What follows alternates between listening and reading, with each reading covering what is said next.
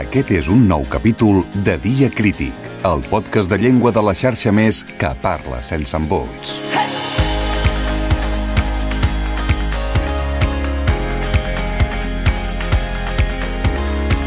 Avui ens acompanya el catedràtic sociolingüista de la URB, Miquel Àngel Pradilla, que ens farà un retrat actual de la situació del català a Catalunya. Benvingut.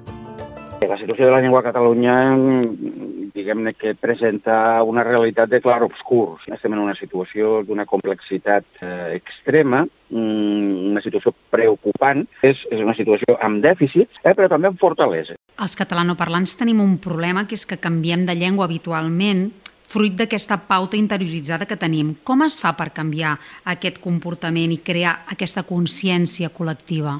Eh, jo crec que, que, que hi ha una qüestió fonamental que és posar la llengua, eh, el tema de la llengua, eh, de la manera més rigorosa, però alhora també eh, amb un plantejament, diguem-ne, no entre lúdic i transcendental. Eh?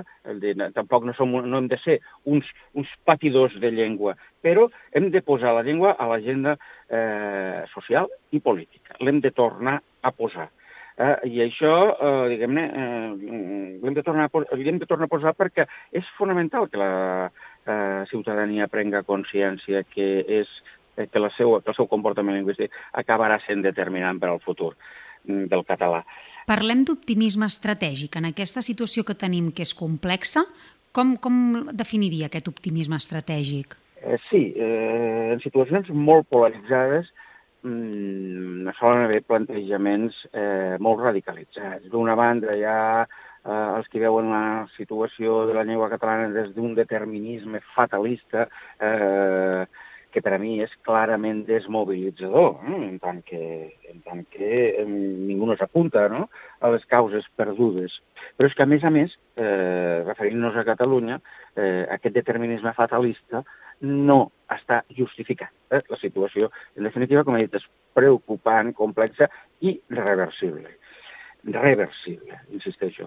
Eh, L'altre pol, diguem així, és el dels plantejaments eh, institucionals, com diguem que, que, que ens han presentat una realitat potser eh, massa optimista, no? I això també acaba sent desmobilitzador.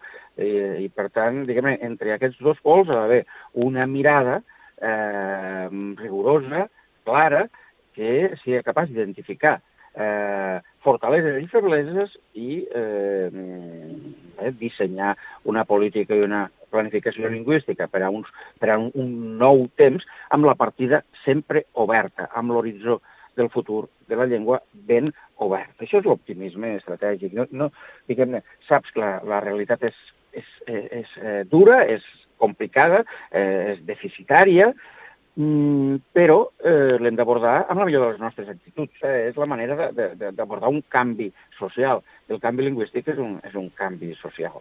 Vostè parla de la voluntat d'una nova política lingüística que plantejada, a més de des de dalt, des de nivell institucional i polític, una coparticipació ciutadana. Quina és la proposta? Sí, sí, sí. A veure, sobretot a propòsit del, del, del, de la posada en marxa del Pacte Nacional per la Llengua i l'obertura d'un procés deliberatiu, eh, de, de, de, de, bueno, de les qüestions que d'alguna manera emanen d'aquell document d'experts que, que jo mateix vaig coordinar, Eh, bé, estem parlant, en definitiva, d'una eh, política lingüística que sí, que és proposada des de dalt, d'entrada, des de l'administració, però que dona la mà a, a la societat civil. Jo crec que això és, és fonamental. Fins i tot és una certa eh, novetat. Mm, una novetat aquí, no a d'altres llocs. Eh? Les polítiques lingüístiques, com més efectives són, és quan hi ha confluència notable entre els horitzons lingüístics de, des de dalt i els horitzons lingüístics des de baix. La participació de la societat civil és clau. La creació d'una consciència col·lectiva favorable a la revitalització de la llengua catalana és un eix estratègic fonamental. Evidentment, nosaltres hem heretat eh, unes pautes d'ús lingüístic que mm, bueno, podríem qualificar-les de veritablement hostils per a la llengua catalana.